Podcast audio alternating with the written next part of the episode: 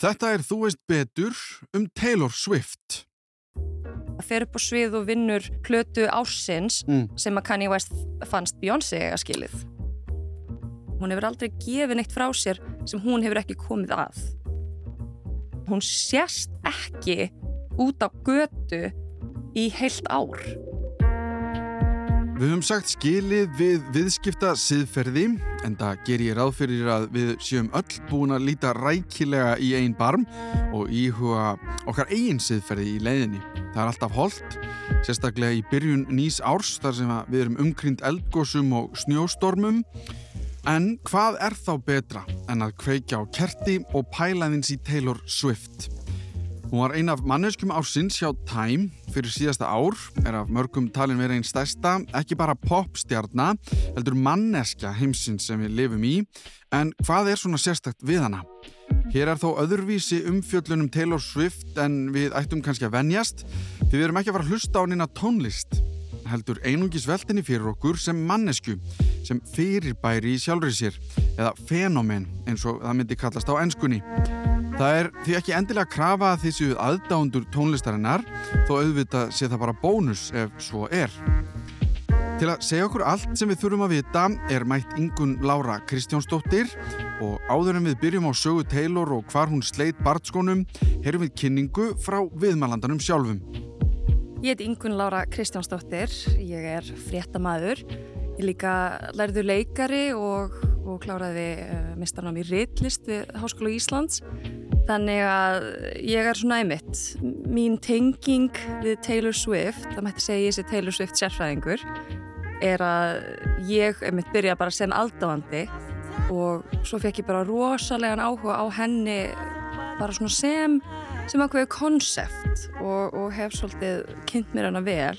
Ég held að sko einn ein svona einn stærsta minningin sem ég á í tengslu við hana var þegar hún var að gefa út uh, þegar hún gaf út uh, folklore þá var ég að keira um Ísland. Þetta var náttúrulega í miðjum faraldri og ég var á hálendinu alltaf að detta inn og út úr einhvers konar útvarps eða netsambandi og ég var að reyna að streyma nýjustu plötunennar meðan ég var að keira í gegnum einhverja eðimörk og út af því ég ég gæti ekki beðið, ég þurfti að heyra hana strax þegar hún kom út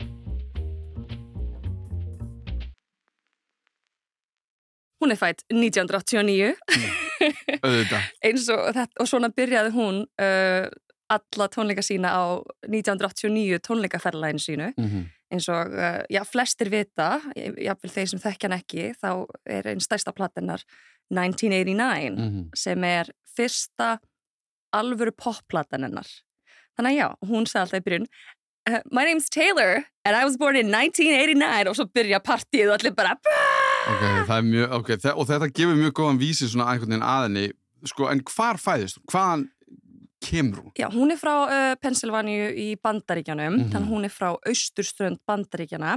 Þetta kemur fólki svolítið óvart því að hún byrjar náttúrulega í sveitasöngum, country og þegar aðdöndur henni kynnast henni fyrst þá er með mjög þykkan söðuríkja hreim. Mm -hmm. En þetta er ekki hennar náttúrulegi hreimur, þetta er hreimur sem hún tók upp. Þannig að hún er frá austurströnd Bandaríkjana. Sko, ef við förum einhvern veginn í uppeldið þá, fjölskyldugerð, Mhm.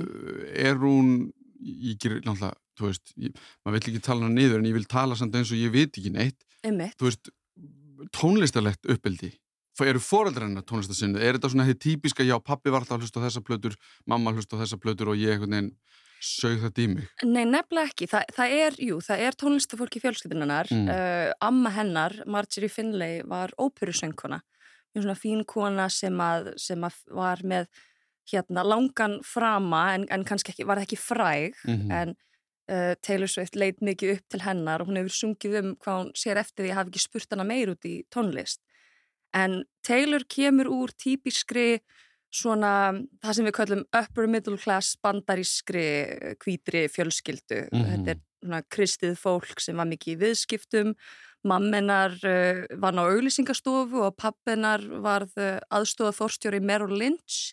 Þannig að þetta er þannig að þetta er alveg þokkalega upper middle class. Já, já, einmitt. þetta er alveg sko, auðugt fólk Mhm. og oft er sagt, já, hún, hún ólst upp bara á sveitabæ og var svo fræg en sko, hún, hún er ekki allast upp á sveitbæ, hún, hún úlst upp á svona uh, jólatrjábæ þau Mm. voru að rekta jólatré og hún uh, elstar upp og hún var að vísu að flytja mikið svona fram og tilbaka þegar hún var ung en þetta er alls ekki þe- þau voru Nei, nei. þið getið googlað gamla húsiðnar þetta er, þetta er stórt glæsilegt mm. -hmm. gæti maður sagt setur eiginlega Já, já.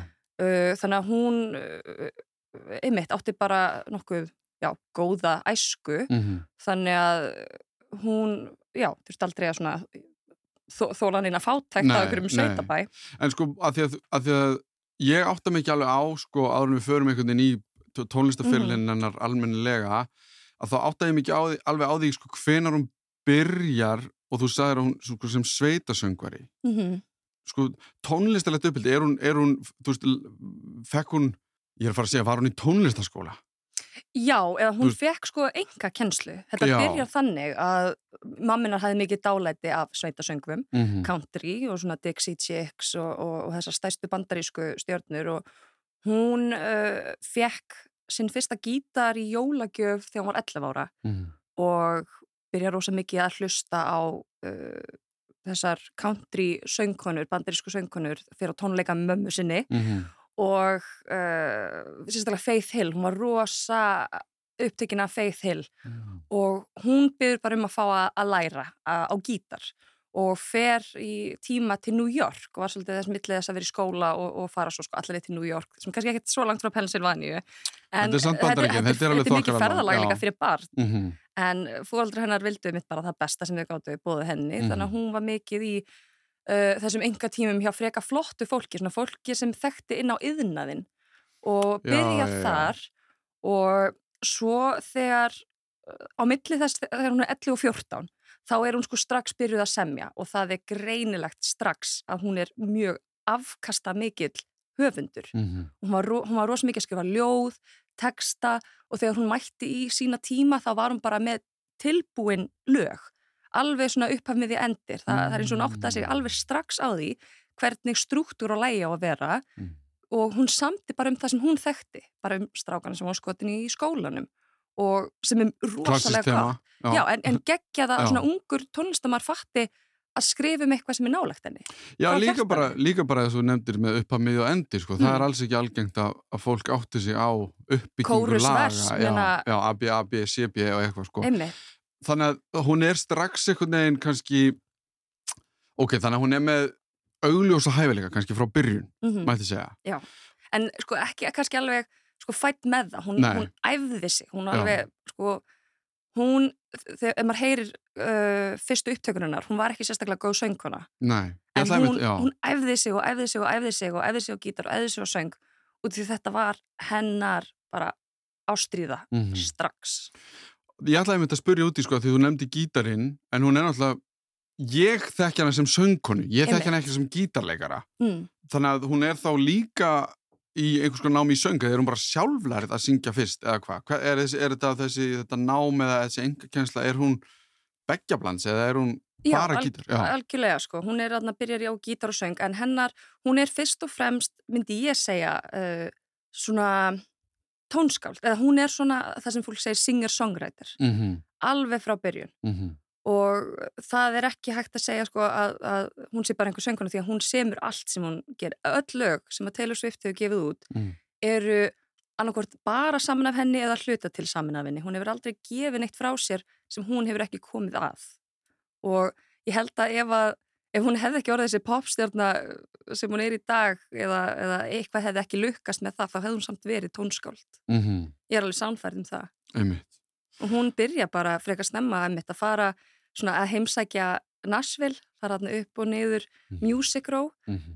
og er að dreifa geisladisk í stúdíu og snældum, hún svolítið Hún nær þeirri allavega, ok, ég, það er allavega eitthvað svona hustle, það er eitthvað hérna, já, einmitt. fóreldran endalaust að keira með henni til Nashville Þannig að þau eru alveg, þau styðjana í þessu brasi. já, Já. þau eru alltaf bak við hana Já. og hún kannski var ekki við mikinn stuðning sko frá samneymundum sínum Mhm. gerð svolítið grína henni þessir sko að vera í einhverjum litlum skóla og með stóra drauma fólki fannst það vandræðilegt Mm -hmm. og það er mitt frækt að sko að hún, á einhverjum af svona risa ferðalegum hennar í dag að hún bauð heilum bekk, sérst, gamla grunnskóla bekknum sínum, fólki sem að gerði rosa lítið úr henni þegar hún var hérna krakki Mhm.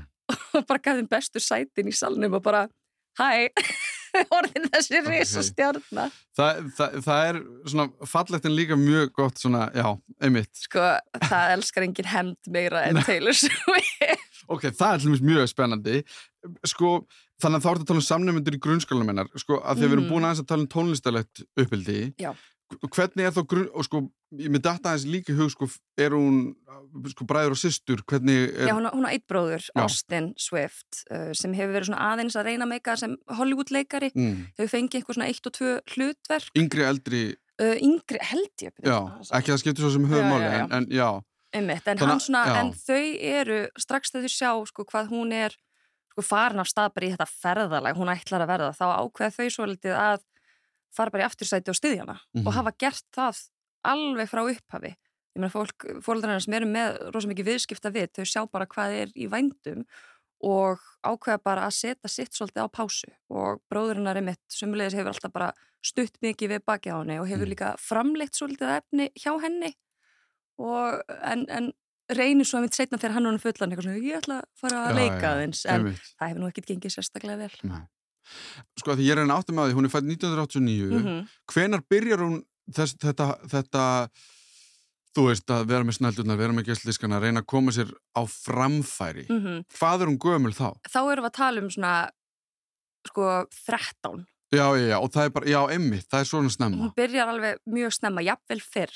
En hún byrjar snemma að dreifa efninu sínu því hún var strax frá 11 ára aldrei byrja að semja efni nóg í heilu plötunar mm og það er ekki fyrir hún sko 14 ára sem hún, já, sagan segir sannfæri fóreldra sínum að flytja til Nashville sem var einmitt bara eini staðurinn sem hún ætlaði sér að fara á ef hún ætlaði Já. að vera sveitasöngva Emmitt, Eh, sem er bara kona. country höfuborg heimsins einmitt, Já. bara best staðurinn til að vera á eða ætlar að reyna að meika það í Mhm. sveitasöngum sko, ég veit að fóreldrar vildu líka, veist, skoða mitt hvað er, hvað er í bóða þarna og þau gátu það, þau voru það efnu og það var í raun ekki það erfitt fyrir þau að bara flytja í annað fylki mm. Eh, þannig að þau flytja þegar hún er 14 og mjög fljótlega eftir það hún er byrjuð sko hún er strax byrjuð að spila á svona börum í Nashville. Mm þetta er líka einhver svona eldgömlum köllum og einhverjum svona, veist, Hells, Hells Angels fólki eitthvað í salnum að fylgjast með og hún eitthvað, hæ, Taylor og þetta er sem ég sendum sætan strák í skálanum mínum. Og hún byrjar þar með skrítusti áhörvendur sem maður getur ímynda sér. Og 14 ára þá skrifar hún undir samning hjá Sony. Mm 14 ára. Þetta er alveg sko fáránlega klikkaður dýl sem hún fær svona ung. En hún endist ekki lengi þar. Nei, en Því- þa það er einmitt sko, er hún þá, þá er hún þú veist, er, hún skrifar undir sem þessi country sveitasöngva Mm stelpa Og hefur einmitt draumum að vera sko, einmitt svona singer-songwriter. Hún vil semja sitt efni, hún, hún vil gefa út sitt efni. En þau sjá í raun bara svona unga sæta stelpu sem að uh, lítur vel út fyrir þeirra framleiðslu fyrirtæki og Mm. vilja bara að hún sé ákveðið andlit en að, hún sé ekki að semja jafn mikið, hún kannski bara syngi lög eftir aðra Já, já, já og það var náttúrulega alls ekki, það er ekki eitthvað sem hún vil, mm. hún veit hver hún er Mhm. strax aðna 14 ára. Því það er kannski líka, hún er fætt 1989 þetta er eitthvað í kringum 2005-06 eða eitthvað sem hún Já. skrifar undir hennar samning þannig að með við svona ástandið að þá er það kannski ekkit skrýta að þau sé að leita kannski að næstu Britney, Kristínu Aguilera Mhm. típu einhverji. Einmitt. Og er ekki að leita að einhverjum sem að vil vera sko, með sína skoðanir og Nei, ég, ég er að segja það, Já. bara, já, einmitt Það er ekki dýl sem að þau eru að leita mm. Þannig að hún ákveður að uh, já, rifta þeim samningi. Hún er yngsta mannskjan til að gera það. Hún riftir samningnum Eða hún bara ákveður að ganga frá, hún var búin að skrifa undir. Já, Hún gengur frá, gengur frá borðinu. ok, þannig að það er svona þe- þema, eða þú veist það er Mhm. eitthvað svona að málast upp hérna hún, Hún er með bein í nefinu, hún, hún veit alveg hvað hún ætlar að gera Hún er mjög ákveðin og þetta þekktist ekki á þessum tíma. Nei, að 14 ára stelpa skrifi undir og rifti samningi við Sony veist, á einan við ári. mm Þetta þekkist ekki og ég held að já. enginn myndi þóra þessu. Nei, ég er ekki frá, ég veit ekki almennilega, ég, það er mér það sem ég er svona áttar mig ekki alveg á hvernig hún þorir sko, að, að því að þeirra, þetta er svona gullna gæsin sko, oft, á tíðum Myndu fá annan slíkan samning hjá Em- öðrum stórum Einmitt Félögum. sko, er það að fara að gerast en einmitt. ég held að hjálpi náttúrulega, hún er með ákveði bakland bak við sig Já, og með þessa foreldra sem eru með bullandi trú á henni og þetta er Mhm. ros, þau eru rosa miklar poljönur, myndi ég segja. Þau eru með bjart sín og þetta er svona ameríski draumurinn og þú skal trúa á sjálfa þig og Mhm. elda það sem þú vilt og það, það er ekkert verið að freysta henni með einhverjum flottum glæsilegum samningum hjá Sony. nei, nei, nei, nei. Af því að hún, já, einmitt, eins og segja, það kannski náttúrulega spilar inn í að hún innan ekki að þarf þess ekki. Hún hefur baklandið til þess að geta sagt, herru, nei, við, höfum, við getum alveg lifað af eða hvernig sem það er án þess að vera með samning. En hvað gerist svo? Af því að þarna er hún greinlega, ok, Sony er búin að segja þetta, hún segir, nei, herru, ég vil gera þetta hérna. Mm -hmm. Hvað gerir 14 ára stelpa þá, eða eitthvað sem ætlar að reyna að meika það? Hún heldur áfram bara að spila á börum. Mm Hún heldur áfram að að hún- tónleika. Þannig að hún fær, sko, af því að einhvern tíma manni að Fred Durst og Limp Bizkit Mm. sagði að hljómsveitir í dag þær sko fara ekki gegnum hvað maður að segja, þjálfunarbúðirnar Mm. sem er að spila endalust Einmitt harkið, harkið giggið. fyrir fólk sem að nennir ofta ekki að hlusta þig mína uppistandarar líka sem eru stóri segja þetta líka Mm þú veist það er þetta að, að spila eða vera með uppistand eða hvernig sem það er á börum þar sem það er púað eða Já, þú veist þú bommar eða það gengur illa einmitt, það og þrýr í salnum. einmitt og þú þarft samt að spila og Mhm. þarft samt að performa og, uh, og hann sagði sko að þetta er þykki skrápurinn sko sem að Mhm. fólk þarf að fá til að átt að segja á því vilja gera þetta eða ekki Algjörlega. þannig að hún fær, sko jafnvel þótt hún komi út úr það sem er kannski uh, ég veit ekki hvað privileged er á íslensku en Já, hún er, hún er veist, hún kemur úr forreynda stöðu en hún, Mm. hún setur samt sko kílómetri á tankin algjörlega, varðandi, veist, því að það er svo mikið talað um nepo babies og þetta algjörlega. í dag að, að, svona, þetta fannst mér til mér, ég vissi þetta ekki, sko. Mhm. mér finnst þetta áhugavert að hún hafi samt verið í þessu harki Einmitt. Og á þessum árum, ég veit ekki hvort að þú varst mikið á svona fyrstu samfélagsmiðlunum á þessum tímum. hvað eru fyrstu samfélagsmiðlinni Já, ég er að hugsa um sko ek ekki bloggsíðunar, svona mitt á milli svona bloggsíðunar og, og hérna Facebook og það, þess að Tumblr var að koma upp. Ég var á MySpace Já, MySpace, einmitt. eitthvað svo leiðis Hún líka. já, já, Hún einmitt byrjaði á, hún byrjaði á Tumblr, ég, var- ég var rosa mikið á Tumblr. Tumblr, ég man eftir Tumblr líka Svona nörda síðan og, og ég áður mjög en að gaman það fór í eitthvað kólandi já, Einmitt, eitthvað ekki já. margir. Hún, Swift er ennþá á Tumblr. ok, En hún byrjaði þar, já, um, byrjaði svolítið að deila uh, textunum sínum og sögum bak við lögin sín. Þannig er þegar Mm. eftir hún hættir hjá Sony og, og byrjar að eignast svona, aðdáendur á Tumblr, á netinu. Og er svolítið að tala við fólk á sínum tónleikum og á þessum börum og á svona úti tónleikum þar sem, þú veist, ungt fólk getur mætt. já, Og já er að segja, um, hei, þú veist, ert þú á Tumblr? Bara aðdað mér á Tumblr. Og er þar strax byrjuð að mynda náið samband við sína aðdáendur Mhm. þetta byrjar snemma hjá henni að tala beint til fólk sem að hlustur á hana gefur svolítið svona, svona baksviðsfíling, gefur þegar hún sé með frekar fáa aðdáðandi til að byrja með einmitt. Og þarna byrjar hún þetta. Sem er líka, þú veist, notabenni mjög áhugavert finnst mér, af því að Mhm. þetta er í byrjun samfélagsmiðla, já, og það er ekki allir fallin að nýta þetta svona. Alls ekki. En hún er líka bara úlingstelpa að blogga eins og flestar úlingstelpur á þessum tíma. Mm og hún er ekkert að setja uh, eitthvað kannski já, hún er ekki að, að reyna að setja sig upp á svona hærri stall og vera eitthvað svona já, ef að ég ætla að vera stjarnar þá þarf ég að vera, þú veist, köld og svolítið fjarræn frá Mhm. og svona ég þarf bara að vera með rosa mi- mikinn svona ramma í kring mig. Hún var bara, æ, ég ætla, þú veist, skrifa bara dagbókarfæslur hérna á netið. -hmm. Mjög opið, bara hún er einmitt, hún er svolítið svona opin dagbók, frekar snemma, sem að ég held að hafi verið svolítið líkill að hennar farsælt hvað var þar tengingu við aðdáendur hennar setna meir. Mhm. Og þarna einmitt inn á milli, hún er að spila, hún er að blogga, hún kynnist uh, manni sem er nýbúin að stopna plötufyrirtæki sem heitir Big Machine Records. Og þetta er uh, glænýtt plötufyrirtæki, er ekki búin að vera lengur í eitt ár. Eru í raun ekki búin að uh, svona sæna neitt uh, stóran Mm. á þessum tíma. Uh, hann mætir á tónleika hjá henni, sér hann að spila og byrjar að tala við hana um að, um að fá hana sko yfir til sín og hún segir, ok, ef að ég ætla að fara yfir til þín, ég ætla að fá að semja allt sjálf, ég vil fá að ráða ferðinni. Þau bara, já, já, gjör svo vel, komd inn og pappin er líst svo vel á þetta, hann ákveður að fjárfesta í þessu plötufyrirtæki. Mm. Þannig að snemma þá er fjölskyldan svolítið á svona smá hlut í, í hennar uh, einmitt, uh, vegferð. Já, já, einmitt Og Fjárfæsti í velgeng, já, einmitt, Já. já, og þar fer alltaf stað. Og hvað er hún gömul þarna? Þetta, er þetta bara 15? Þetta er bara beint eftir, þetta er 14-15 Já, ára. já, já, já, já, einmitt. Og á þessum árum, en hún gefur út sína fyrstu plötu, 16 þá, þá er hún einmitt, heldur áfram að mæti tíma, heldur áfram að semja og er alltaf með svona ein, tvo nána svona uh, leiðbennendur í því. Og svo gefur hún bara út sína fyrstu plötu sem heitir bara Taylor Swift Mm. og það er eiginlega magna, hún eiginlega, þeir bara beint á toppin. Beint á toppin í sveitasöngum.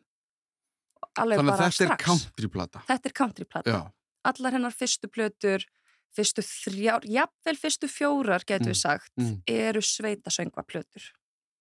einmitt. Og þarna heyrum við hreiminn sem hún hefur pikkað upp í Nashville, sem er ekki hennar náttúrulega hreimur, þar sem hún er, uh, ég, sagt, ég, ég læriði, ég sér það mig í hreimum í leiklistanámi Mm. og það er talað um hljóð í svona eins og Texas hreim sem heitir diphthong, sem er svona eins og rail. Já, já, já, það, svona, það rennur niður. Og ef þið hlusta á fyrstu þrjár plötnar þá heyrum við mjög mikið af diphthong í Taylor Swift sem er frekar fyndið því að hún er alls ekki með hann hreim í dag. Hún er bara eitthvað when I should have og maður er bara hvað, hvað er gangi? En hún vill vera ekta, hún vill vera ekta country sko, þannig að hún bara fer í karakter. Þannig að hún slær bara í gegn sem sveitasöngva tónlistamæður bara um leið. heldur betur út af því að hún, hvernig hún skrifar og maður sér þetta alveg í gegnum sko, indie plötunar hennar líka er að hún, hún veit nákvæmlega hvernig að skrifa countrylag þetta er alltaf einmitt svona veist, tilfinningar, það er ákveð svona, svona þjóðlega tónlistar element í þessu, þetta er svona um sögur og um fólk og um ást og ástarsorgir og, og með þennan sko gítar og, en það er samt eitthvað ferst í Taylor því hún er með smá, jafnvel frá fyrstu plötinni, smá svona pop element í þessu líka, þannig að hún Mhm. nær til mjög margra, líka þú veist ungra stelpna sem að fíla ekki country, Já, þær heyra Taylor og bara ok, þetta er eins og svona góð brú yfir í country fyrir mig Já. og fær rosa mikið af nýjum ferskum hlustundum inn í country þannig að sko allt stóra fólki í country kunni svo mikið að meta Taylor því hún var að fá inn nýja hlustendur, nýtt fólk sem var þá að hlusta á hana og svo hlusta á hinna og, og voru að kynna sér hún er annað svona gateway drug. hún er algjörst gateway drug í countryið En er þá sko bara svona, og, eins og þú persónulega sem, og sko, eru þessar plötur, eða þessi plata, eða Mhm. kannski þessar fyrstu tvær, þrjár eins og nefndir, er þetta þá sem þú kemur sem Taylor Swift, þú veist, er þetta, það sem ég kannski er reyna að leiða að er, er þetta venjulega algengur punktur fyrir fólk sem er, Taylor Swift aðdæðandur í dag að hafa komið inn á?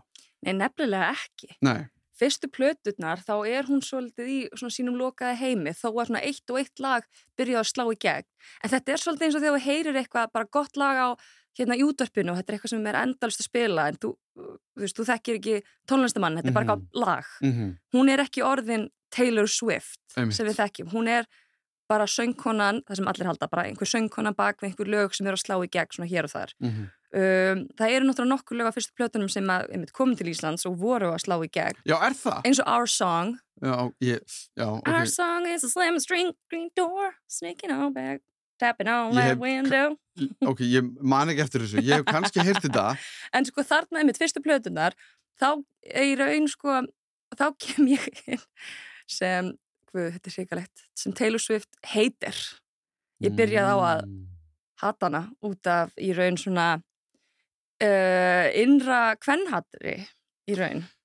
Ég var svolítið svona einmitt fórtunan feðraveldisins því að strax í byrjun þá var hún gaggrind mjög mikið fyrir strákana sem hún var að hitta og, og lögin sem hún var að skrifa og að hún væri fölsk Já, bara syngja bara falskt. syngja falskt Mm, ok. það var einmitt, ég held eftir eitthvað svona fyrst, eh, eftir öðru, aðra plötunennar þá var einhver hérna svona gaggrinandi sem var að tala um hvað hún væri hrikalega fölsk í beitni og hún þurfti bara að vera í stúdíónu endalaust, það þurfti að vinna rosa mikið með röddinn hennar og hún bara hljómaði ekki vel sem er svolítið áhugavert, því að ef maður horfir á hana á þessum tíma, mér finnst hún ekkit vera ólík uh, svona eldri country köllum sem að þegar var Mhm. talað um þá, þá voru þeir að syngja hrátt Mhm. alvöru.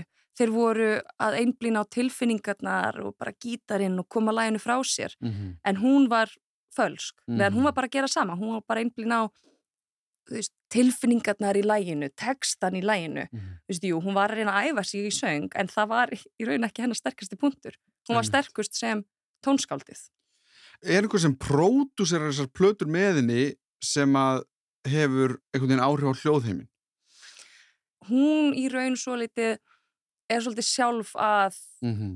þróa sinn hljóðheim og maður heyrir á milli uh, myndi ég segja þriðju og fjórðu plötu að það er verið að hún er svona að finna meira sinn stíl og þá Mhm. fer hún náttúrulega miklu meiri yfir í poppið hún var alltaf með svona dass af poppi inn á milli í fyrstu plötunum en það er eins og hún þorði ekki alla leið já, það er ekki fyrir hún gefur út Red, sem er fjóðaplatan hennar og setna 1989 sem Mm. er bara einn ein, ein besta popplata allra tíma að mínu mati mm. klikku popplata, rosalega vel uh, prodúseruð plata er að þar finnur hún rosa mikið svona, ok, nú, nú veit ég hver já, pop Taylor er einmitt. en fyrst var hann einmitt bara svolítið svona að leifa sér að vera meira svona allskonar Mm einmitt mikið country og svo mikið pop blanda af því en svona hennar stíl kemur ekki einmitt hvernig við þekkjum Taylor Já, í dag já. kemur ekki fyrir setna En bara því þú nefndir sko að þú hefur hatað hana fyrst. Já, af því að það hefur alltaf staðið svona styr af henni. Mm, þú veist, að það hefur gustað um hana Heldur manni. og betur. það er, segi ég sem, og ég fylgist ekkert sérstaklega vel með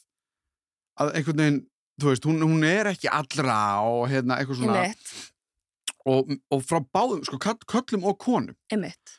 Ég, mér er meira, fundist að kallar fattan ekki og eru bara svona eitthvað, en að konur annarkvort dýrkjana eða þá sé mitt kannski eitthvað svona að þessu sem þú kallar kvennhatur já, er, og ég, ég veit, ég er náttúrulega ekki kona, þannig ég veit ekki almennilega hvar það liggur, einmitt en, en er það einhver partur af því hvernig hún uh, kynni sig, eða sko representar sig, eða presentar sig til að byrja með, Mm. er það eitthvað sem að fer í taugarnar á fólki svona heilt yfir? Já, ég held Já. það.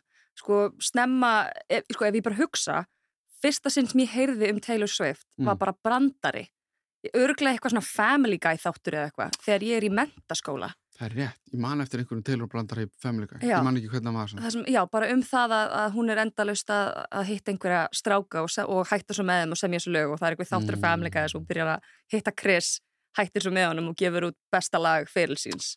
Já, það er rétt. mjög snemma þá kynnist ég Taylor Swift út frá svona fyrirsögnum gulu pressunar í, í Breitlandi og Bandaríkjunum. Þannig að hún er strax þar einhvern veginn. Já, út Já. af því að strax eftir að hún gefur út sína fyrstu plötu, hún er strax farin að, hún er bara að deyta sem Já, ung já. stelpa, sem úlingur, Já, en er strax farin að hitta, það sem náttúrulega vekur svo mikla aðtigli, fræga stráka eins og Joe Jonas í Jonas Brothers sem voru þarna að verða risastórir Mm. og er svona að hitta þá í stutta tíma og semur svo um það, semur um sambandi sín eins og hún gerði víst í grunnskóla, hún semur um það sem hún þekkir Mhm. og víst, ég held að 20 og eitthvað að 30% af lögunum hennar fjalla um hjartasorg og sambönd Já, en ég meina, þú veist, nú þekki ég ekki bílana en það er mjög svipað einmitt. gegn, já, einmitt, en það er svona, það, það er ekki, það er ekki eitthvað óeðlilegt hlutfall nei, ég er að segja það, þú veist, það er ekki eins og það sé eitthvað svona mjög skrítið að tónlistafólk semjum ástafsorg eða ekki. sambundin sín og sérstaklega ekki í country tónlist, finnst. Einmitt. Þannig að hún er, sko, Joe Jonas Mhm. sem er í Jonas Brothers og það náttúrulega verður svona risastórt band, þannig að hún er greinilega komin einhvern veginn á milli tannan á fólki mjög snemma. Þetta er hún komin svolítið alveg, alveg inn í yðnaðin. Hún er Mhm. svona farin einmitt úr því að vera eitthvað að spila á börum í Nashville og hún er farin að sko, ferðast meira um landið, um bandaríkin, er að Mhm. hitta fólk í yðnaðinum, er að mæta á hátíðir. Hún er rosa svona það sem við kallum networking pía. Mm Hún mætir, hún ætlar að kynnast fólki, hún ætlar sér að, einmitt, vera stjarnar, Mhm. nýta allt. Einmitt. Þannig hún er strax farin að hitta fólk og hún er ung, hún er sæt, hún er skemmt, hún er fyndin, hún er Mm. bara, hún er hilarju sko og er algjör svona auðli, hún er sjarmirandi, þannig hún er strax farin einmitt að kynnast alls konar fólki í yðnaðinum og einmitt sætum strákum sem eru líka í tónlist. Það er líka mjög auðvöld til fólk að láta þessar, alla þessar hluti sem þú varst að telja upp fara í töðan á sér. Já, einmitt. Eh, Þannig að þessar þrjár plötur, ef við sko förum aðeins yfir, þær eru svona country, en að því að mér langar til þess að tala um, sko, kannski þegar að ég eða eitthvað förum að taka eftir henni og Taylor Mhm. Swift er bara ekki brandar í Family Guy og ég veit ekki alveg um hvernig við erum að tala. Einmitt. Þú nefndir Red Já, og hún kemur þá út hvenar? Taylor Swift er nánast gefið plötu á tveggjára fresti frá því að hún gefur út fyrstu plötuna Taylor Swift. Þannig við erum með Taylor Swift, við erum með Fearless, Speak Now, svo kemur Red 2012 mm -hmm. og þá er hún byrjuð að fara meiri yfir í poppið. Hún er að vinna með meiri svona pop um, framleiðendum, hún er, hún gefur út á sama tíma eitt stærsta svona og ekki, ekki frægasta lagið hennar en það sem sko aðdáandur hennar halda mikið upp á lag og mm. það er lagið All Too Well mm. sem er lag sem fjallar um uh, hennar ástarsorg uh, eftir samband við Jake Gyllenhaal uh, einmitt þarna Ok, einmitt, ok, já Lag sem hún gaf sér nú tíu mínútna útgáðu af en var upphaflega fimm uh, mínútna langt mm -hmm. Þetta er hennar Yesterday Þetta er hennar Ah, ég skil stóra lag. Og er þetta á redd? Þetta er á redd. Já.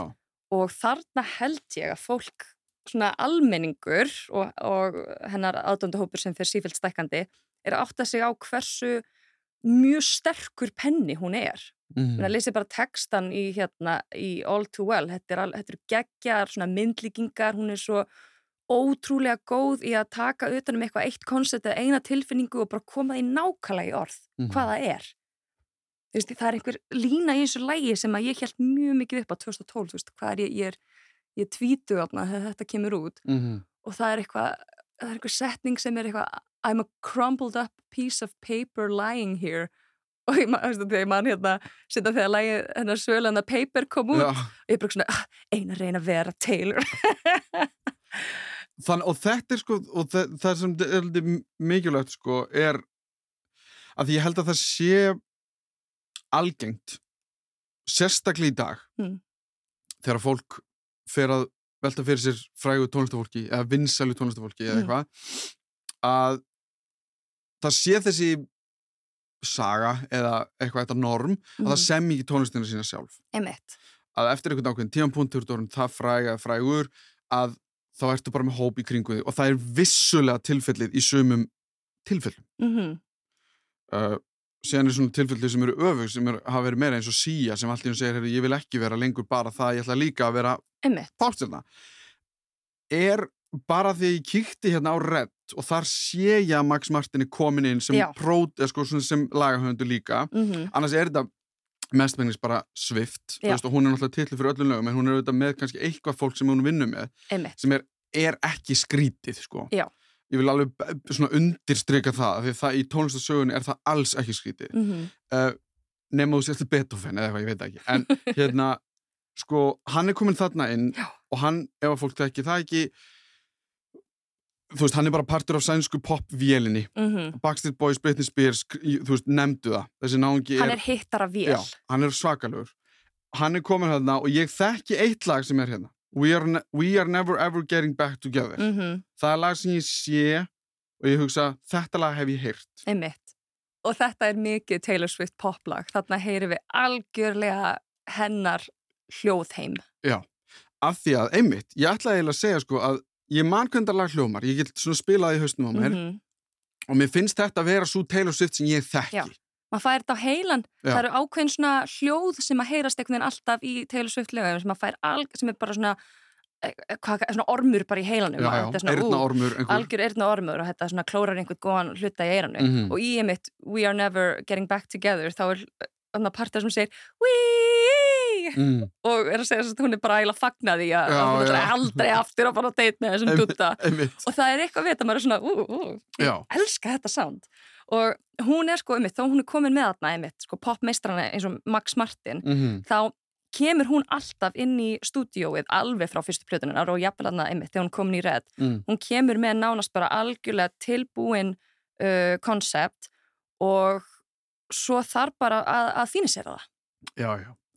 Já, bara pródusera, bara alveg eins og bílandi fóru til hérna George, George Martin, eða þú veist ég minna eins og ég segi, þetta er ekki skrítið sko. og oft finnur hún, hún er rosa góð með húka mm og maður heyra bara fyrstu plötunar hún er rosa góð í að finna einhverja húka og þetta var bara algjört svona bara geggja teimi, hún og Max Martin mm og setna þegar hún sko kynist Jack Antonoff en betra teimi -hmm. og hún vinnur einmitt mjög vel með þessum meisturum.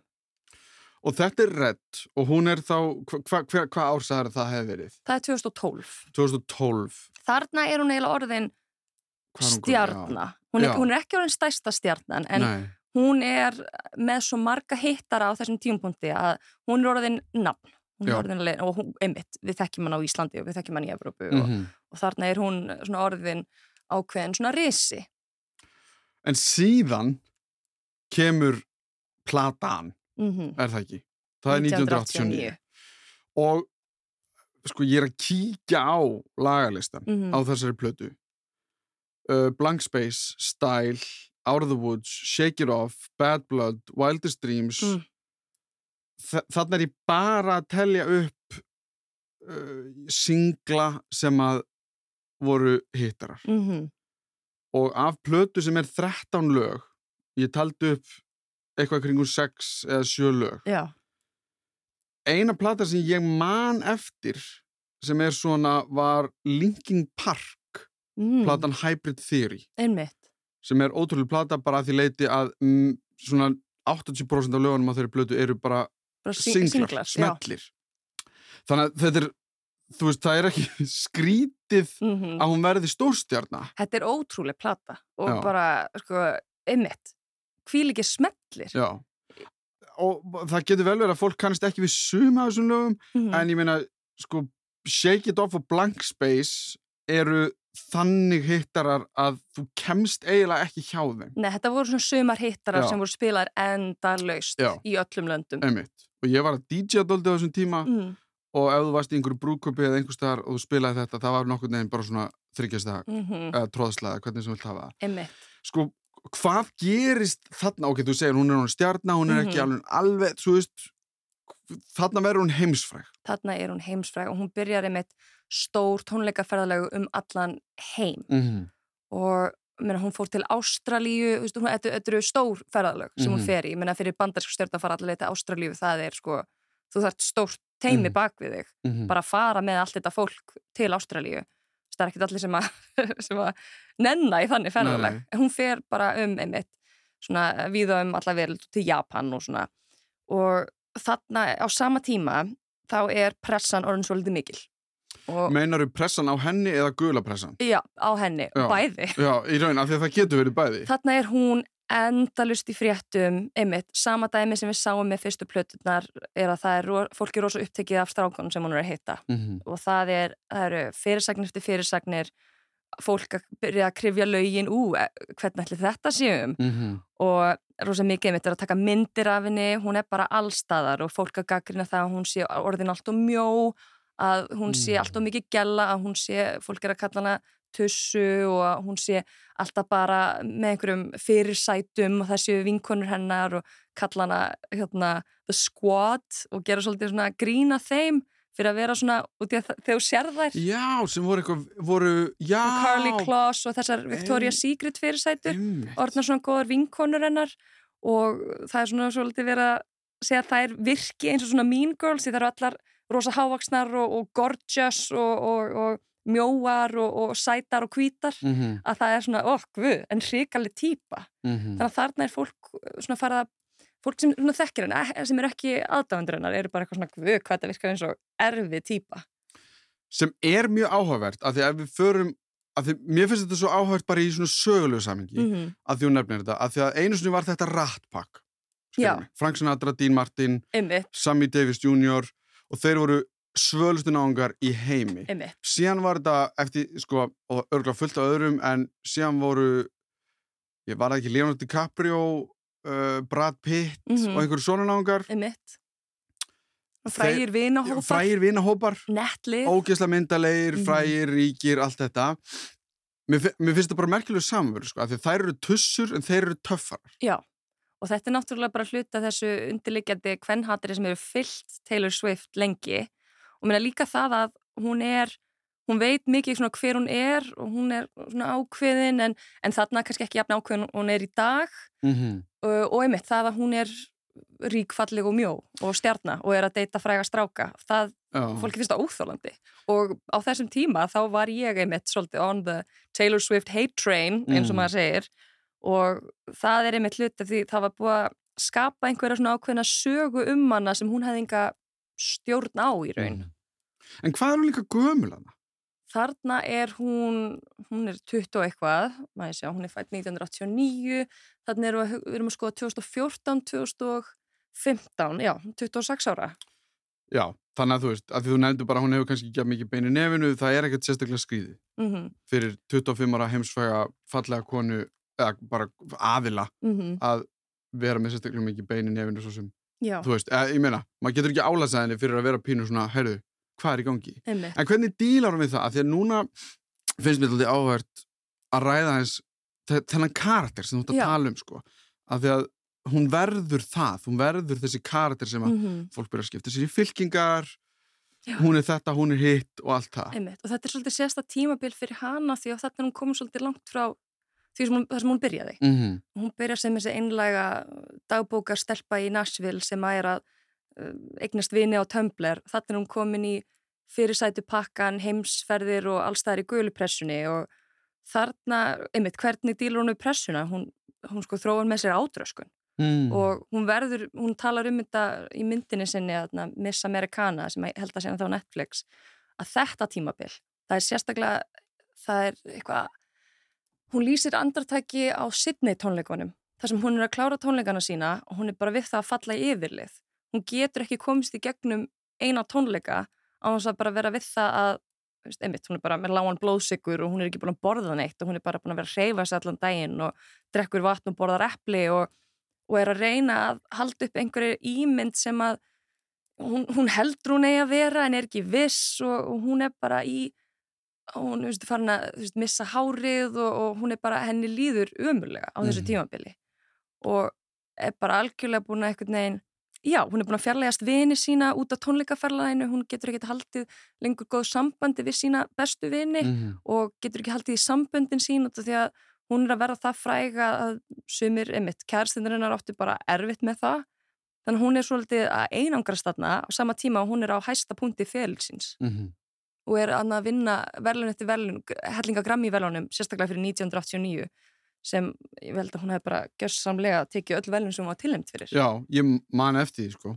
að, sko, ég, ef mér rámar í bara að það hefði verið bara, heyrðu, hún fær allt Einmitt, sko. þetta var svona hápunktur popferðsennar og lágpunktur engalífsennar sem er náttúrulega alltaf pínu svona áhugavert svona juxtaposition, eða svona andstæður Já, ég meina sko. sjáum bara eins og sögun með Britney mm að hún, hún fer upp á hápunktinn og, og svo fer bara einmitt engalífið hennar í rúst og hún er bara á saman tíma í pressinu. Það er áhvert að sjá einmitt sko, hvernig þær, þessar tvær sögur þróast í -hmm. svona sitt hver áttina. Einmitt. En þetta er 80, 1989, sko, hún gefur út, hún, sko, hvað, þetta eru fimm plötur síðan sem hún er búin að gefa út, cirka, Mhm. já. Það sem ég velti fyrir mér er, hún verður heimsagt þarna, fer hún eitthvað, sko, tekur hún sér einhvern tíma, þú veist, er þetta, að því að ég, og það er kannski bara að því ég er ekki Taylor Swift kannski aðdáandi sem Mhm. slíkur, en, og ég fylgist ekki þóra vel með, en mér fannst einhvern veginn eins og og hún kemur inn með 1989, hún vinnur ógæslega mikið velunum, þetta verður bara svona monster hit út um Mhm. allt, þessi plata og síðan líður mér eins og hún svona eitthvað bakja eins og þetta Mhm. verður svona meira Taylor Swift sem að herðu segir, herðu þetta er of mikið, ég ætla að finna minn balans. Já, og það er bara beintengt atburði sem tengist Kanye West. Já, Beintengt. Eftir 1989, sko, no, spólum að tilbaka nokkur ár, Já. Taylor Swift er ung countrystjarnar, fer upp á svið og vinnur plötu ársins Mm. sem að Kanye West fannst Beyoncé eiga skilið. Ah. Kanye West hleypur upp á svið, tekur mikrofónin af Taylor Swift og segir að Beyoncé hefði átt að skilið. I'ma let you finish. Já, I'ma let you finish. Uh, nokkur ári líða, þetta, þetta gerist þegar hún var ennþá í countryinu. Fólk Mhm. heldur einmitt að þetta hefði verið setna í popinu, en hún var ennþá óþekkt countrystjarnar þegar þetta gerðist. Svo fyrir við áfram nokkur ár. Hún er búin að sættast við Kanye West, eða það sem hún heldur að hún sé búin að sættast við hann og þau Mhm. eitthvað koma saman einhverjum viðburði og fólk Mhm. heldur að sé allt í lægi. Svo gefur Kanye West út lægið Famous, það sem hann er frækt með hana í tónlistumimbundin alls konar Einmitt. nagi fólk eða svona uh, gínur af svona vakstúkkur Já, af frægu fólki þar sem meðal annars er Taylor Swift nakin upp í rúmi með honum Mm þessi já, vaksgríma af uh, og hann syngur um Taylor Swift í þessu lægi I made that bitch famous Já, það er rétt. og Vá, ég var búin að gleyma þessu. já, Ég, ég var líka búin að gleyma að það hefði verið Taylor Swift sem vann þegar hann fór upp á svið. einmitt. Ég var bara, já, já einmitt. En þetta er nefnitt nokkrum árum eftir það og hann gefur út þetta lag og hún svara fyrir sig og segir bara, hún vinnur öðna fyrir 1989 og í þakkaræðu sinni þá segir hún aldrei láta einhvern annan seg, höfst, taka heiðurinn af ykkar Mm um, farsælt eða svona ykkar fer, feril. Einmitt. Út af því hann, hann segir að hann hafi gert hana fræga með því að, Einmitt, ég get náttúrulega gert annað þátt um Kanye West, sko. Af því að þessum, sko, já, ég veit það, já, já. Ég ætla ekki að byrja að tala um Kanye West, en ok, en, en já, ég man eftir þessu núna, þetta er, þetta er að hrista upp í, í minni mínu, sko, um þau bara þessi ár. já, Já, já, já, já, já. þannig að einmitt. hann gefur út þetta lag, Taylor Swift svara fyrir sig, Kim Kardashian sem var þá með Kanye West gefur út upptöku þar sem hún sýnir Kanye West í símtali við Taylor Swift að segja henni hei ég ætla að syngja um þig í einu lægi mínu, þetta verður svona smá svona diss, ég ætla bara að byggja um leiði spyrja hvort það sé að lægi Já, já, og hún heyrist þannig að segja já, vá, takk fyrir að láta mig vita. Og bara, um, þú veist, já, ekkert mál. Mm og þarna snúast allir gegn Taylor Swift, það er bara Mhm. vák, fílíkur, tvískinningur og fílík hræstni að vera Mhm. eitthvað að dissa kanni þegar hann bað um leifi mm. og hún er bara kölluð naðra og það er svona, það fer á flug um netið að kommenta undir allar færslur Taylor Swift svona, uh, svona tjákn af, af slöngu já, já. og það er eitthvað sem að Kim Kardashian svona kemur af stað og byrja svolítið að tala rosalega mikið um slöngur og bara, vá, það er hérna alþjóðlegur slöngudagur en fyndið og það veit allir um svona að tala um Taylor Swift til þarna er það bara Kanye og Kim gegn Taylor Mhm. þannig að, og þá fara líka allir slúðurmiðlar af stað og hún er bara það er bara, vá, Taylor Swift er algjör tussa og á Twitter þá byrjaði að uh, trenda um allan heim uh, Taylor Swift is over party. Og þá eru allir að tala um og svona með dæmi og deila myndbundum og mynd, myndum af henni og fyrirsætunum og bara guð hvað þetta er ömurleg manneskja. Og það bara hata allir Taylor Swift. Og það er bara í tísku að hata Taylor Swift. Og líka, fólki finnst það svo yndislega gott því hún er á einhverjum hápunkti, hún er að gefa út popplötu hún er búin að vera rosa mikið í fréttum út af þessum kærustum Mm. og það eru bara allir bara, djövill er þetta gott á hana af einhverju ástæðu og sérstaklega út af þessu myndbandi. Og Taylor Swift hún lokar öllum samfélagsmiðlum sínum og hún lætur sig hverfa og hún sést ekki út á götu í heilt ár.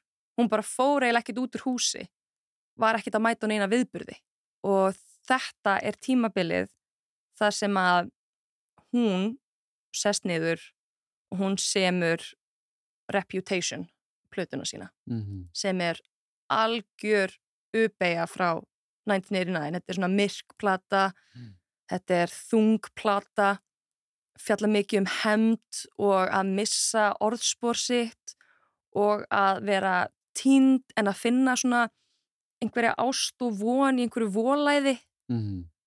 þetta er einhverjur uppskrift að hennar besta kompakki eftir samt langan tíma það sem maður heyrir ekkert í henni hún og hún sem var svo vön að tala við aðdáðandur sínar á öllum samfélagsmiðlum Mhm. og svo náinn sínum aðdáðandum þannig að aðdáðandur hennar hafa áhyggjur og er bara, hún er ekkert, hver er hún?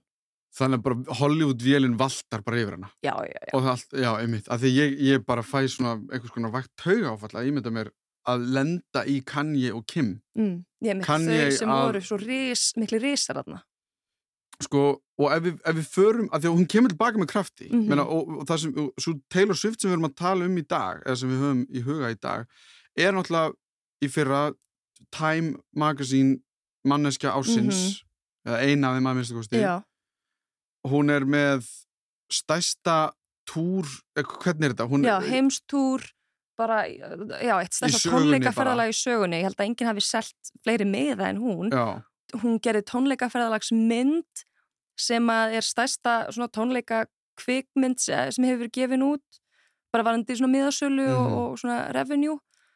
Og hún er orðin miljardamæringur sem að ég held að fáir tónlistamenn hafa orðið bara út frá tónlist mm, jú, út frá öðru merkjum eins og Rihanna með Já, já. hérna, uh, förðunar fyrirtæki sitt. Mm, en já, hún er ég held að svo ákveðin sem hún tók í uh, sinni útlegð mm, hafi verið fyrsta skrefið í átt af þessu. Já. Reputation held ég hafi verið hennar nýja tímabili áttina þeirri konu sem hún er í dag. Og hvernig kona er það?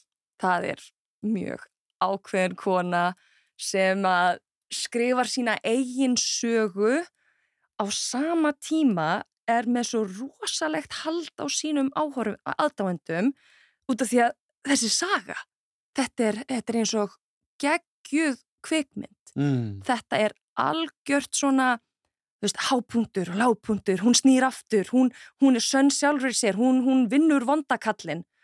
Þetta er bara auðvitað höldum við með henni. Mm. En þetta er rosaleg saga sem að gera það að verkum að það er ákveðið svona bítlæði sem að kemur eftir þetta. Mm -hmm. Og þetta er svo rosalega náinn tenging út af því að hún byrjar alveg snemma frá 14 ára aldri að byrja að tengjast sínum aðdáðundum í gegnum sínar dagbókarfæslur og það mætti segja að lögin hennar séu bara dagbókarfæslur. mm. Hún er orðin svolítið hetjan í sögunni sem við erum búin að vera að fylgjast með uh, bara fyrir framann okkur. Á netinu, í slóðurmiðlum, í heimildarmyndum. Það eru svo margir með henni í liði núna að við erum, við erum bara að gera hana að einhverjum, einhverju gyðju. Mm. En svona gyðju sem er líka besta vinkon okkar. Mm. og hún er bara að semja og semja og semja og kemur þarna með einmitt sistra plöturnar Folklore og Evermore, hún fer aftur í grunninn Mm. indie og, og svona uh, svona fólk, þetta er náttúrulega tengist, þetta er nátengt uh, country, Mm. þetta er einmitt aftur bara svona gítarinn og, og, og saga sem þú ætlar að segja og er núna aftur byrjuð að snúa sér að poppinu, þannig hún er svona að fara einmitt svona, hún er að halda sig einmitt við það sem hún þekkir og sama tíma við að sjá einhvern svona enga sigur hjá henni sérstaklega eftir hún ákveður að þú manst eftir hann að Big Machine Records sem hún samti við Já. í Nashville Ég var einmitt, ég gott að, já, Það- segðu mér þetta. þetta er einmitt tímabilið þar sem allir eru bara eitthvað ok, Taylor Swift Mm. Hva, hvað er í gangi þarna? er að eftir þetta Kanye West dæmi, hún kemur aftur og við erum bara, vá, hvílíku sigur þá kemur annað svona tráma í hennar líf þegar Big Machine Records ákveður að selja masterennar eða selja fyrirtæki til Scooter Brown sem var maður sem að tók þátt í að nýðast á Taylor Swift meðal annars þarna þegar hún er upp á missir þarna allt eftir 1989 Mm. og hann er svona maður sem að já, bara hefur gert grínaðinni eins og fólki sem að var að rífa hana niður þannig að hann er svolítið svona ímynd þess fólk sem að trúir ekki á hana Mm. og allt innur hann að fara eignast masternennar og hún hefur ekkert með það að segja hún fær ekki eins og tækifæri til að kaupa þá Mm. af þeim, hún bara fær ekkert um það og hún deilir þessari sögu sinni á Tumblr byrjar á því, fer bara í grunninn og segir bara hei, ég er að fara að missa allt sem ég hef unnið fyrir hérna Mm. og hún fyrir í viðtöl og hún fyrir í spjall og allir eru bara eitthvað, hvað ætlar að gera? Og það einn fréttakona spyr hana, getur þú tekið upp lögið þín aftur? Ég held þess að eitthvað, Kelly Clarkson hafi þess að stungið upp á þessu, bara Mhm. taktu bara upp lögið þín aftur. Og hún gerir það. Og þá byrjar þetta nýja ferli sem við þekkjum í dag, þar sem hún er að taka upp allar gömlu plötuna sínar, Mm. country plötunar, pop plötunar, sem að gerðu hana að þessari stór stjórnu. Og hún er búin að vera að gera þetta og á eftir að taka upp tvær held ég. Og sama tíma er hún að semja nýjar plötur Mm. og er að prófa sig áfram inn í nýjum stíl. Þetta er svona, þetta er hennar svona renaissance, Mhm. svo lítið. Hún er að prófa sig áfram í öðru og hún er að endur heimta sjálfa sig, Mm. efnið sitt Mm. og samhliða eru er Ta- Taylor Swift æði í gangi um allan heim. Og þetta er kannski ástæðan fyrir því að hún er Time Magazine, sko, eina personum ásins. Mm Það er þetta, þetta sem þú varst að tala um núna. Já, hún var spjallið við kaffivélina allt árið. Mm -hmm. og ég held að Time Magazine velur svo litið ekkert endilega fólki sem var svona áhrifamest eitthvað í heiminum, það er frekar fólk sem hefði mestu áhrif á umræðuna. Og þú hugsa bara, ég meina, í vinnunni. Maður var alltaf að heyra ykkur tala um Taylor Swift. Hvort sem það var tengt einhverju gömlu Kanye West rifrildi, hvort sem það tengdist Scooter Brown uh, dramanu að taka upp nýju plötuna sínar eða bara tónleikaferðalagið það Mhm. var alltaf eitthvað til að tala um Þetta er líka sko, þetta er það sem mér finnst vera merkjald við þetta líka og þessar endur upptökur er að hún er að gefa eðnaðinu smá fingurinn sko. algjörlega Þú veist, ég á mitt efni, þið get ekki bara selt og keift það eins og þið viljið og, og einhvern veginn mm og sérstaklega líka bara þetta verður síðan aftur vinsælt. Já. Það er það sem er svo fyndið. það er ótrúlegt að sjá plötur einhvern veginn ná aftur á toppin tíu Mhm. árum eftir útgáfu Einmitt. Það er eiginlega magna og það var svo skrítið að sjá öll, að, sko, öll efstu tíu sætin á billboardlistanum voru af sumu plötu. Þetta voru bara Taylor Swift-lög. mm -hmm. Það voru einhverjir, einhverjar tvær viku, þetta var eitthvað svona fáránlegt, það sem að það voru bara Taylor Swift-lög á toppnum. Ég hef aldrei séð þetta gerast áður. Nei, einmitt. Mjög skrítið. En ef við förum bara örsnögt í framtíðina, Mm -hmm. hvernig sjáum við hana fyrir okkur varandi Taylor Swift? Forsetta frambóð, nei, Uh, ég meina, hei, ég meina hún gæti það. hún er komið, ég, ok, svo, ég, ég, hún er komið með einhvern NFL-gæja, Mm er það ekki? Já. Sem talandi um gulu pressuna. Einmitt. Það er það sem ég hef séð einhver staðar. Já, Ég man ekki hvað hann heitir eða hvað, en, en þetta virðist vera bara þokkalasta saman. frægasti kærastinn, sko. Já, þú veist, ég, hérna, og ég kannski, ég fylgist ekki nógu vel með NFL eða eitthvað, en þetta er einhver náungi Mm sem er eitthvað númer í NFL, þau eru byrjuð saman. Er, og er það, er það, er það, erum við að sjá gamla Taylor Swift hringinn eða erum við, veist, erum við að fara að heyra lag um þetta samband eða hvernig, Ég, ég meina, sko, garanterað, hún hefur samið um alla sína fyrirverandi, hún semur um lífi sitt og ástarlífi sitt. mm, Já, já, já, hún, við munum heyra örgulega heilu plötunar um hann. Það er eitthvað mjög fyndið við þau sem par, þau eru svo ekta bandarist, því hún hefur deytað svolítið breska stráka, mm, Harry Styles og hérna og fleiri og hefur verið einmitt skrifa rosa mikið um, um London og breska lífið. Þannig að það er rosa mikið, það er rosa fyndið að fara úr breskum kærasta yfir í svona all-American boy, þau eru svolítið svona Barbie og Ken. Já, og að hún hafi náða að gera sko, NFL, þú veist amerísku fótbolti, stærsta íþrótt í bandaríkjónum hafa náða að gera vinsarlæna er nú þegar, já, bara með því að mæta á leiki. Það er eiginlega magnað sko, sko krafturinn bak við Taylor áhrifin bak við Mhm. Taylor það sem er framundan, hún er náttúrulega bara að fara að gefa út uh, aðra endur upptöku marga gruna að það sé Reputation, hún Mm. ætla að gefa það út aftur út af því hún er farin að ganga rosa mikið í grænum kjólum og svona með alls konar svona slöngur í kringum sig sem er það sem við tengjum rosa mikið við þetta tímabil. Einmitt. Og hún gerir þetta, hún svona það sem er, hefur heyrt um svona soft launch? Já, já, það sem er verið að, að kýtla fólk og svona hún gerir það í fötunum sínum. hún mm, gerir það mjög mikið í fötunum sínum og í alls konar svona táknum í myndböndum eða færslum á samfélagsmiðlum og fólk elskar að lesa í allt sem hún gefur út bara, ó, hvað er þetta? Hvað er þetta merki? Mm. What does it mean? Og hún er núna farin að ganga í fötum sem að eru svona með bara litapalettu og reputation, meira segja þegar hún var einmitt manneska persóna ársins hjá uh, tímaritinu Time þá að meira segja eitthvað við myndatökuna sem myndi á reputation þannig ég held hún sé að nýta hvert tækifær hvað sem er til að segja okkur hvað hún ætla að gefa út næst. Saman tíma er hún eflaust að semja nýja plötu og er bara að fara að halda áfram sínu tónleika ferðalagi. En ég meina hvað næst? Hún er, getur hún orðið stærri?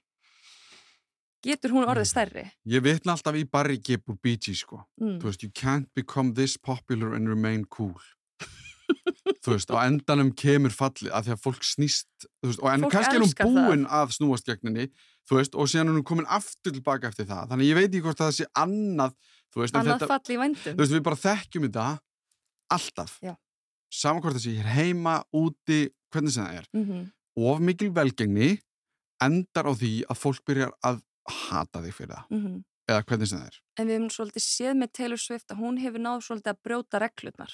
Mm hún hefur náð að nýta sér sitt fall eins og sérstaklega eftir 1989 til þess að semja nýja plötu, snúa öllu við og ég held að hún lærði mjög mikið af þeirri reynslu og ég held að hún sé mjög góður skipuleggjandi varðandi sinn feril og sína framtíð. Hún er algjör businesskona og ég held að hún sé mjög varkár á sama tíma djörf og ég held að hún sé algjörlega að passa að það sem gerðist eftir 1989 plötuna muni aldrei gerast aftur þannig að ef að hún stýrir þessari fersinni það held ég hún sé bara á góðri leið. En svo er náttúrulega spurningið mitt hvað finnst almenningi um það? Því að af hverju snúist við alltaf gegn fólkið mitt sem að verður svona stórt? Mm.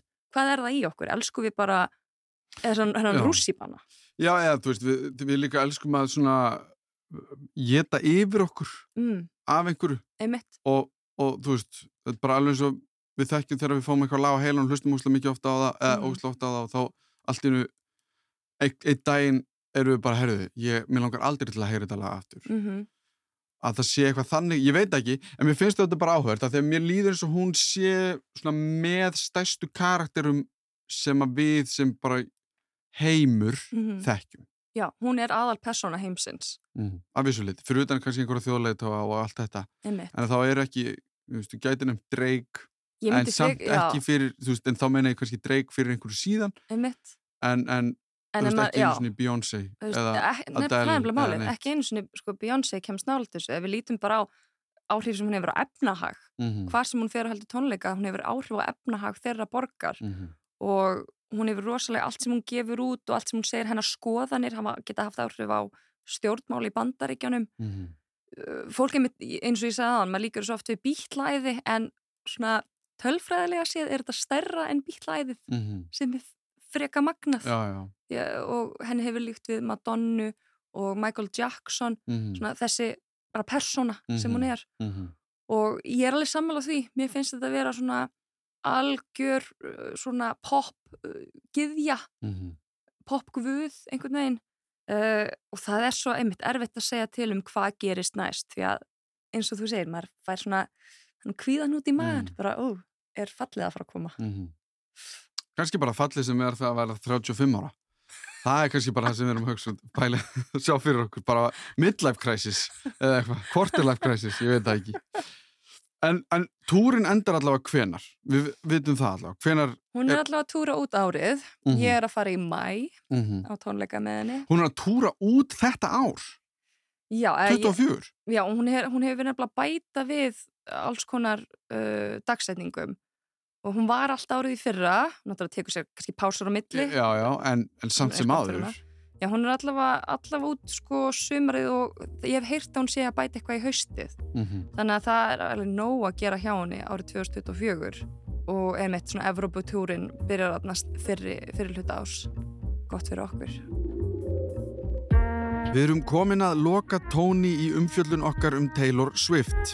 Eftir stendur ekkert nema aukt pláss, vildir draumar og slæmt blóð sem við þurfum hugsanlega bara að hrista á okkur. Ég vil þakka Ingunni Láru fyrir að gefa okkur meiri baksögu fyrir þennan risastóra karakter sem verður áhugavert að fylgjast með eftir því sem framvindur. Hún gerir hlutina eftir sínu eigin nefi en það hefur það gengið vægast sagt vel það sem af er. Ég minna á postin minn allimarat.ruf.is ef það eru einhverjar spurningar eða ábendingar. Ég heiti Allimár Steinarsson og þakka fyrir mig. Þetta var Þú veist betur um Taylor Swift. Heyrumst í næsta þætti.